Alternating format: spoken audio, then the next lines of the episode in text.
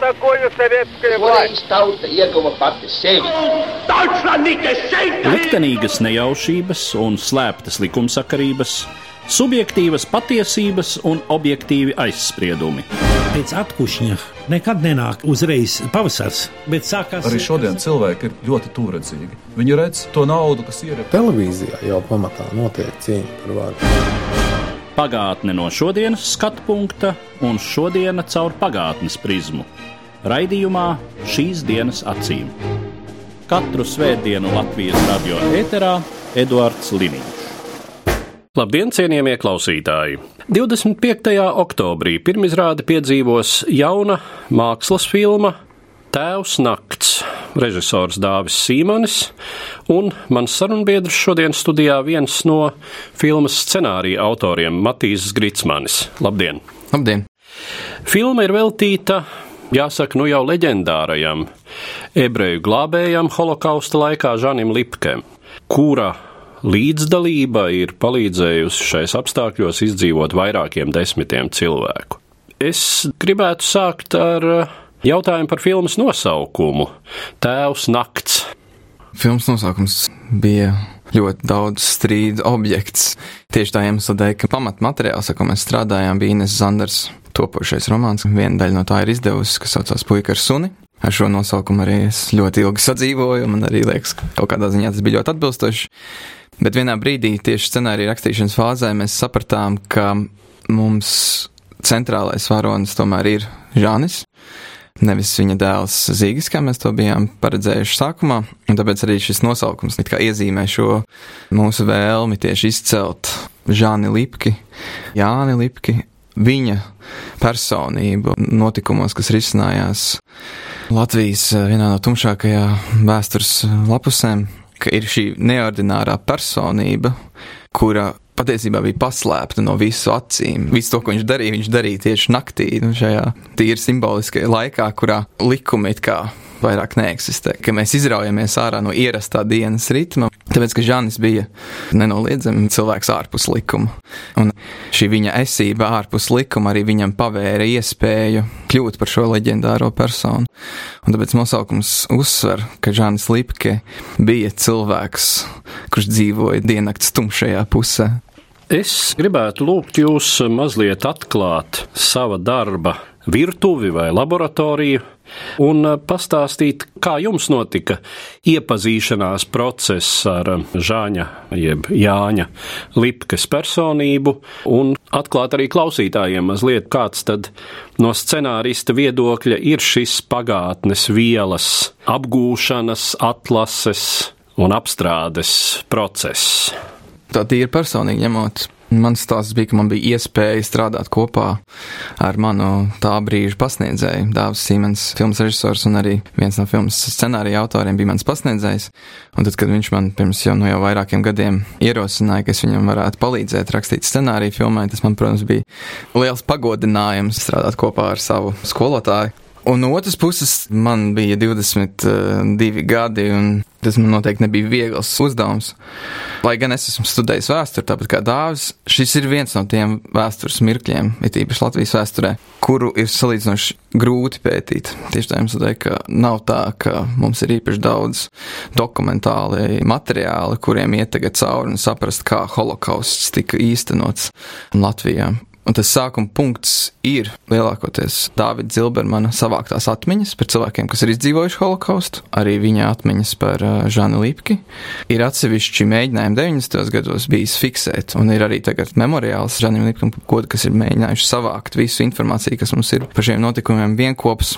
Un es domāju, ka tur pētniekiem ir vēl ļoti liels uh, lauks, ko darīt. Bet mūsu uzdevums, nu, kā mākslinieku uzdevums, bija šo stāstu izstāstīt plašākai auditorijai. Protams, no vienas puses pieturoties pie faktiem, bet no otras puses izceļot arī šo emocionālo dimensiju, kā tas bija dzīvot 41. gadā, kā tas bija piedzīvot dubultu Latvijas okupāciju, kā tas bija piedzīvot, kad ierastās struktūras, kurām vajadzētu sargāt kārtību, ka viņas tiek pavērstas, lai izraisītu anarhiju, lai izraisītu to, ka cilvēki viens pret otru nostājās naidīgās pozīcijās, ka viens otru iznīcina, fiziski iznīcina.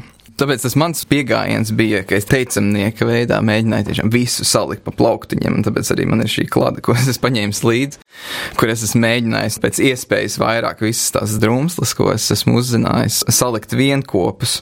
Un uh, agrāk vai vēl bija spiests atklāt, ka nav tā, ka tas viss kopā veido kādu vienotu stāstu, bet tās drumstās ļoti bieži ir pretrunīgas. Un tas, ka mums arī jāņem vērā laikmets vienmēr, ka mēs tomēr dzīvojam sabiedrībā, kas tikai pēdējos 30 gadus drīkst runāt atklāti par vēsturi, drīkst runāt par vēsturi, kas ir ļoti nepatīkama un kas ir nepatīkama arī vairākumam. Jo brīdis, kad Dārvids Zilbermans ievāca šīs atmiņas, nebija tā, ka holokausts bija kaut kas tāds, par ko varēja atklāti runāt. Lielākoties to pasniedz kā nacistu zvērības pret padomju tautu kopumā, ka tieši šī nevēlēšanās izcelt ebrejus kā vienīgos cietējus. Es domāju, ka man ļoti daudz arī pētnieki piekritīs, ka padomu sistēmā arī valda samērā izteikts antisemītisms. Un viens stāsts, ap citu, kurams eh, mēs dokumentāli nekādu pierādījumus nevaram atrast, bet tas ir, ko paša Lipku ģimene stāstīja, ka Žāni pēc Latvijas otrreizējās padomju okupācijas, ka viņš tika izsaukts uz eh, drošības iestādēm, pratināts par to, un viņam tika pārmests, ka viņš šos cilvēkus glāba mankārīgos nolūkos, un ka, nu, lūdzu, tagad atklājiet, kur ir jūsu zelta glabātu, kur jūs esat visus šos dārgumus saslēpis no bagātajiem ebrejiem, kas, protams, neatbilst patiesībai. Skaidrs, ka kaut kādas, zināmas, mantiskas transakcijas notika. Tieši tā jums teikt, ka Jānim bija jānoorganizē visu šo cilvēku izdzīvošanu, viņu paēdināšanu, viņu aprūpe, bet Žants nekad dzīvē nav bijis īpaši bagāts. Ķīpseli pirms vairāk nekā 70 gadiem. Tā bija ļoti nomaļa pilsētas vieta, kur dzīvoja zvejnieki, samērā trūcīgi pilsētas iedzīvotāji, ļoti atrauti no lielpilsētas. Līdz ar to es visu laiku biju tāda, zinām, dilemma priekšā, un es domāju arī, ka Dāvs varētu stāstīt tieši šo pašu stāstu. Ka no vienas puses mēs gribējām būt ļoti atklāti, un no otras puses, ka mums pietrūka šo dokumentālo liecību, ka mums bija ļoti daudz atmiņu, ļoti daudz mītu par žāniem, par visu to, kas tur notika, ļoti daudz emociju. Arī no otras puses emociju par to, kāpēc mēs pēkšņi izceļam viņu Jo ne jau tikai Žants Lipka glābēja ebrejus, un ne jau tikai viņš viens pats to darīja. Un tad ļoti agri tajā filmas veidošanas procesā mēs nonācām līdz tam, ka tas nav tikai stāsts par Žāni, bet tas ir stāsts par visu viņu ģimeni. Jo viens aspekts no ebreju glābšanas noteikti ir tas, ka Žānim abas okupācijas varas atņēma pa vienam bērnam. Viņa meita Aina aizgāja līdz padomju varai, un pēc tam atgriežoties jau Latvijā, 45. gadā aizgāja bojā. Savukārt viņa dēlu Alfrēdu iesauca leģionā, un viņš tika dots vācu varai. Un tajā pašā laikā bija šie vairāk nekā 50 cilvēki, kurus Žants izglāba, bet šie divi bērni, kurus viņš nu, nevarēja paglābt. Starp citu, atklājot mazliet no filmas sižeta, tas arī ir filmā parādīts, ka sevišķi dēla gadījumā tā ir zinām izšķiršanās, jo varētu mēģināt paslēpt jauno cilvēku, kā slēpa daudzus no iesaukšanas izvairījušos vai leģiona dezertierus, bet, kā jūs arī to ļoti precīzi parādāt, tad tas ir risks, jo meklēs dēlu, kurš slēpjas no iesaukšanas un var uziet ebreju slēptuvi. Cik jūs tikāt tuvu tai reālajai situācijai? Tas, kas filmā ir parādīts. Tātad pazemes slēptuve zem malkas šķūnīša, kur dzīvo vienlaicīgi vairāki cilvēki, kādi seši, septiņi, vienlaicīgi un diezgan ilgu laiku. Cik tā aina, ko jūs zīmējat filmā, ir tuvu jūsu priekšstatam par realitāti? Tur droši vien ir nianses, ko mēs nevaram atspoguļot, bet viena ļoti skaista liecība tieši par bunkuru un par to, kur viņš tika izveidots un kā viņš izskatījās, ir uh, Žāņa Lipkas jaunākā dēla Ziga zīmējums, ko viņš zīmēja, tad, kad viņam bija astoņi gadi, kur viņš bija uzzīmējis bunkuru tieši zem suņa būdas. Um, tā loģistika bija arī ļoti tuvu tam, kā mēs atspoguļam filmā. Šis bunkurs bija tieši blakus tur, kur Žānis dzīvoja.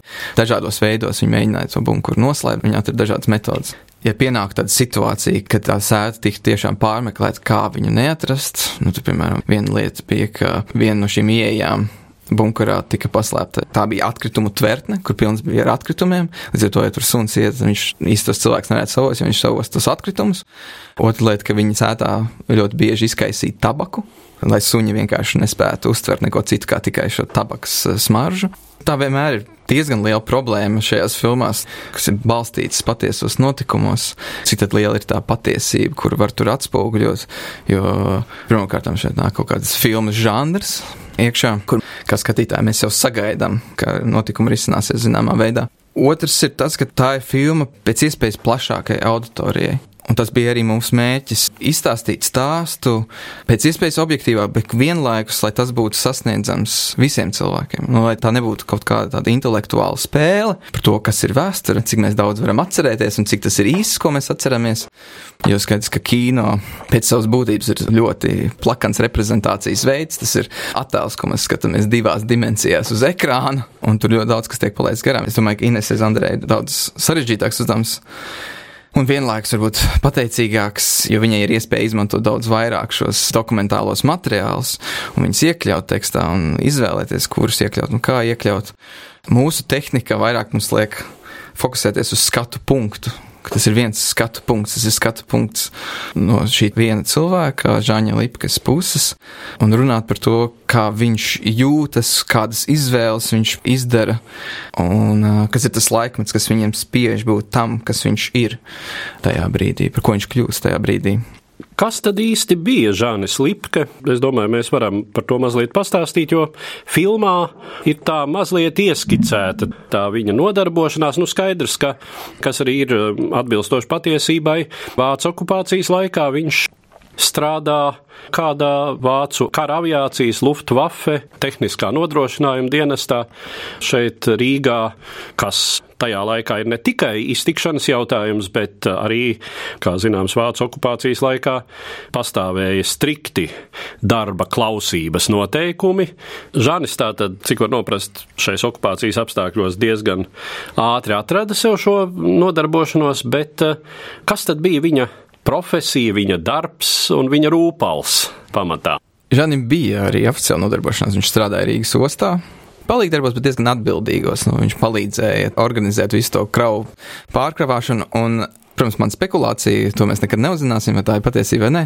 Bet arī šī viņa pirmā nodarbošanās ostā visticamāk bija saistīta ar to, ka viņš paralēli tam nodarbojas ar kontrabandu. Osta, kā zināms, ir ļoti ideāla vieta, kur ar to nodarboties. Ienāk kaut kādas kravas, kaut ko var paslēpt, kaut ko var iznest ārā. Bet, ja mēs paskatāmies vēl senāk, tad arī viena skaista liecība, kas atrodas eh, Žāņa Lipkas memoriālā, ir, ka Žānis 30. vai 20. gados nodarbojās ar nelegāliem pasažieru pārvadājumiem, par ko viņam arī ir piespiests sots. Viņam bija autobus, eh, ar ko viņš vadīja cilvēkus, bet nu, viņš nemaksāja cīm redzot ar kaut kādu licenci, un viņam par to piespiests sodu. Viņš ļoti daudz savā dzīvē ir mēģinājis atrast veidu, kā nodrošināt savu ģimeni, kā pielāgoties dzīvei. Jo nu, skaidrs, ka Žānis nenāk no tādiem sabiedrības augstākajiem slāņiem. Kā jau es arī minēju, arī vieta, kur viņš dzīvo, tie tomēr ir ļoti vienkārši cilvēki. Patiesībā ir ļoti interesanti pavērot, ka šī cilvēku glābšana nav tikai 41. gada parādība. Žants glābs ne tikai ebrejus, ir jau stāsti par to, ka viņš jau Ulmaņa laikā ir paglābis atsevišķus sociāldemokrātus no nokļūšanas Liepājas koncentrācijas nometnē. Vai viņš to ir darījis par atlīdzību, bez atlīdzības, to mēs nezinām. Pēc tam arī kad ienāk padomu varu pēc 44. gadā, viņš ir palīdzējis atsevišķiem leģionāriem slēpties arī savā mājā. Ir pat stāsts no Johannes, kur viņš stāsta, ka vienlaikus viņa mājā ir slēpušies gan leģionāri, gan viens padomi partizāns, kurš nokļūst fronts aizmugurē. Var sakot, šī cilvēka loģistika, sauksim to tā, tā ir bijusi, zinām, daļa no viņa rūpala. No vienas puses viņš ir pratis veikt nelegālu preču apriti, kaut kādu biznesu ar to veidot. Viņa draugam Smaļanskim bija neliels veikaliņš, kur visticamāk varēja kaut ko pārdot, ka viņš bija izveidojis tādu, zinām, tīklu ar cilvēkiem, ka viņš zināja, kam viņš ir uzticēties, un jebkura nelegāla nodarbošanās prasa, zinām, lojalitāti, kas ir augstāka nekā likumiskā kārtība valstī. Viņš zināja, ka šie cilvēki neziņos, jo viņi arī daļai iesaistīti šajā kontrabandā. Tāpēc ir tikai loģiski, ka Žānis bija veiksmīgākais cilvēku glābējs, jo viņam jau bija struktūra, kurā to veikt. Viņam bija cilvēki, kuriem uzticēties. Viņam bija iemaņas, viņam bija dažādas mazāk vai vairāk veiksmīgas metodes, kā novērst uzmanību no sevis, kā palikt nepamanītam. Un tas ļoti noderēja brīdī, kad likumi tiek veidoti tā, lai sabiedrība patiesībā pati sevi iznīcinātu. Jā, kad valsts vara īsāk sakot ir noziedzīga. Jā. Kā jūs to ļoti pareizi uzsvērāt, Žanim bija šīs iemaņas, sakari, un es droši vien teiktu arī pareizā dzīves izjūta. Tātad viņš jau krietni pirms šiem dramatiskajiem notikumiem bija dzīvojis uz tādas likumības robežas un radis izaicināt sistēmu. Man liekas, ir mazliet jāpalūko. Man liekas, ka nevis izaicināt, bet tieši otrādi - spēt dzīvot šajā nakts dzīvē, spēt dzīvot dzīvi, kura nav redzama lielākajai daļai cilvēku, kas ir apkārt. Te arī izpaužas tā ģimenes loma, ko es mēģināju sākumā iezīmēt, ka viņa uzņēmējdarbība, ja mēs to sauktu, vai viņa rūpals, ir tieši atkarīgs no tā, cik ļoti viņam palīdz viņa ģimene. Tuvākie cilvēki, kam viņš ir uzticēties. Kara laikā viņš iekārto arī ostā savu vecāko dēlu Alfrēdu, kurš strādā tad, kad viņš aiziet prom no ostas. Visticamāk, arī tā bija, zinām, taktiska izšķiršanās. Pēc tam, kad visa ģimene bija iesaistīta, lai viņi varētu dzīvot dzīvi ārpus likuma un vienlaikus nevienam nerādīties acīs un nebūt pamanām. Jo tas varbūt tās arī atšķirās no tās mentalitātes, kas ir cilvēkiem, kas ir izdzīvojuši padomu laiku, ka ir iespējama šī divkosība, ka tu no vienas puses likuma priekšā esi pilnīgs nabaks, bet tajā pašā laikā braukā ar dārgām mašīnām, pompozi kaut kādā veidā izrādi to. Žanis nekad īsti nenonāca tādā punktā, kad viņam būtu kaut kas, ar ko ļoti āršķirīgi izrādīties. Lai gan nevarētu arī teikt, ka tas neietilptu viņa raksturā. Ja mēs paskatītos fotogrāfijas no tiem pašiem 30 gadiem, kur viņam ir jauna mašīna, ko viņš ir nopircis, kā viņš ģērbjās, un ka viņam ir ļoti svarīgi būt par šīs ģimenes apgādnieku un kā izskatīties. Es domāju, tur būtu atsevišķs stāsts par Žānu Lipki 30. gados, ka tas būtu mazliet cits cilvēks nekā tas cilvēks, kurš nonāca no tirgus apstākļiem, kuros tev vienkārši ir jāmēģina izdzīvot un mazliet saskēmot uh, dzīvi kaut kā. Un, uh, tur ir viens ideāls, šis nodrošinātā cilvēka ideāls, un tad šajos totalitāros varas apstākļos tavs ideāls ir vienkārši būt pēc iespējas pelēkākam un nepamanāmākam, lai tu netīšām kaut kādā veidā neizaicinātu varu. Mēs tagad tā runājam par to, cik Žanis bija veikals, cik viņš bija uzņēmīgs, bet, protams, jeb kurš risks, kas saistās ar šiem salīdzinoši tomēr nenozīmīgajiem likuma pārkāpumiem pirmskar Latvijā, neatkarīgajā Latvijā, ne tuvu nav salīdzināms ar to risku, kuru viņš uzņēmās glābjot ebrejus. Jā, iemaņas noderēja, bet uh, riska līmenis, un acīm redzot, līdz ar to arī baiļu līmenis gan viņam, gan viņa ģimenei bija nesalīdzinām lielāks, jo tas, kas ir nepārprotams zināms par šo situāciju, ka Žānis riskēja pilnīgi noteikti ar savu dzīvību, un ļoti iespējams arī ar ģimenes locekļu dzīvībām, jo par šādu ebreju slēpšanu no nacistu varas Žanim droši vien draudētu nāves sots un ģimenē no labākajā gadījumā ieslodzīšana koncentrācijas nometnē. Tā kā tas, ko viņš darīja tajā brīdī, tas bija drosmes, nu un arī, protams, viņa cilvēciskās kvalitātes, viņa humānisma apliecinājums. Tas, ko par Žāni Lipki saka Marģers Vesterbanis, kurš viņu ir personiski pazinis, ka šim cilvēkam bija ļoti laba sirds, ka viņš nespēja samierināties ar to ārkārtējo nežēlību, netaisnību, necilvēcību un eh, darbojās pret šo drausmīgo mašinēriju.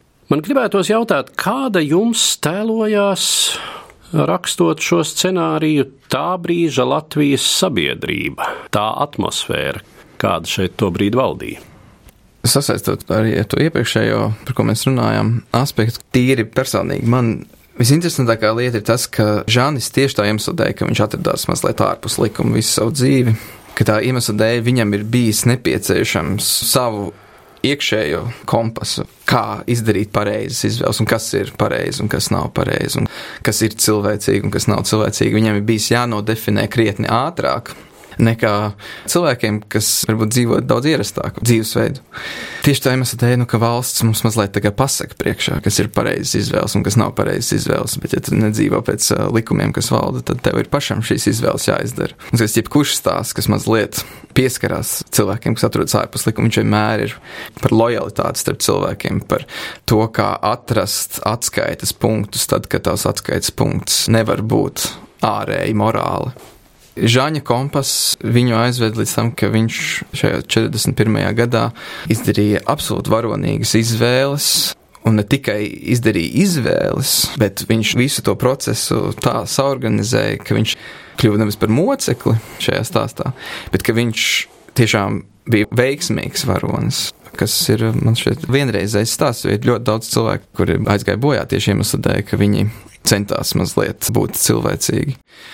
Bet sabiedrības noskaņojums, viena lieta, ko varbūt mēs filmā nevarējām parādīt, tieši tā iemesla dēļ, ka mēs esam ļoti koncentrējušies uz 41. gadu, uz visiem tiem notikumiem, kas notika holokaustā, ka mēs nevarējām parādīt pietiekami to, ka mūsu holokausta pieredze tomēr ir krietni citādāk nekā tā ir Rietumē Eiropā.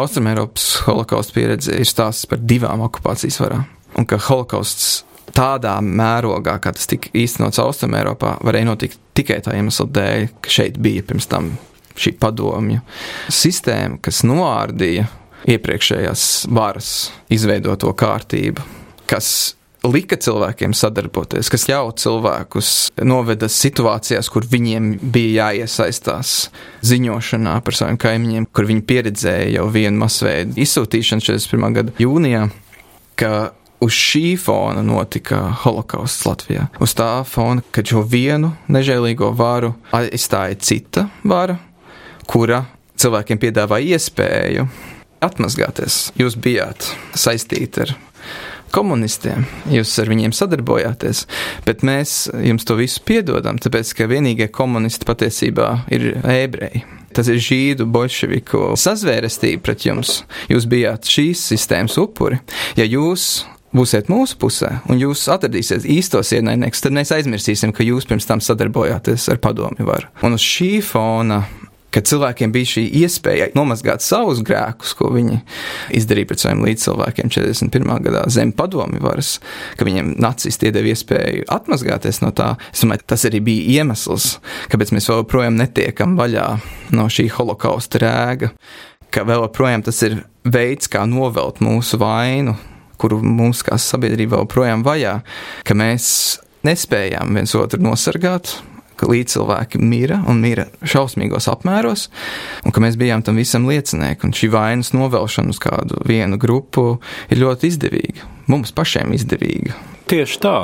Man arī par to domājot, un uh, skatoties filmu, tā kā gribējās, varbūt vairāk, bet droši vien jums arī taisnība, ka to īsti tai chronometrāžā un šajā sižeta konstrukcijā ielikt nevarēja, cik degradēta tajā brīdī ir Latvijas sabiedrība, dezorientēta, ka tā ir sabiedrība bez elites, jo elite ir lielā mērā vai nu gājusi bojā padomi represijās, vai katrā ziņā tā ir atņemts tās status, ka šī sabiedrība ir izjukusi pa šuvēm, kas ir gan sociālas, gan arī pirmām kārtām etniskas kas mazliet jau filmā ir, protams, ieskicēts. Jo viena lieta ir turēties pretī okupētāju varai, sistēmai, tad, ja tu pilnīgi noteikti zini, ka lielākā tavu līdzpilsoņu daļa arī ir pret šo sistēmu, arī uztver to kā naidīgu.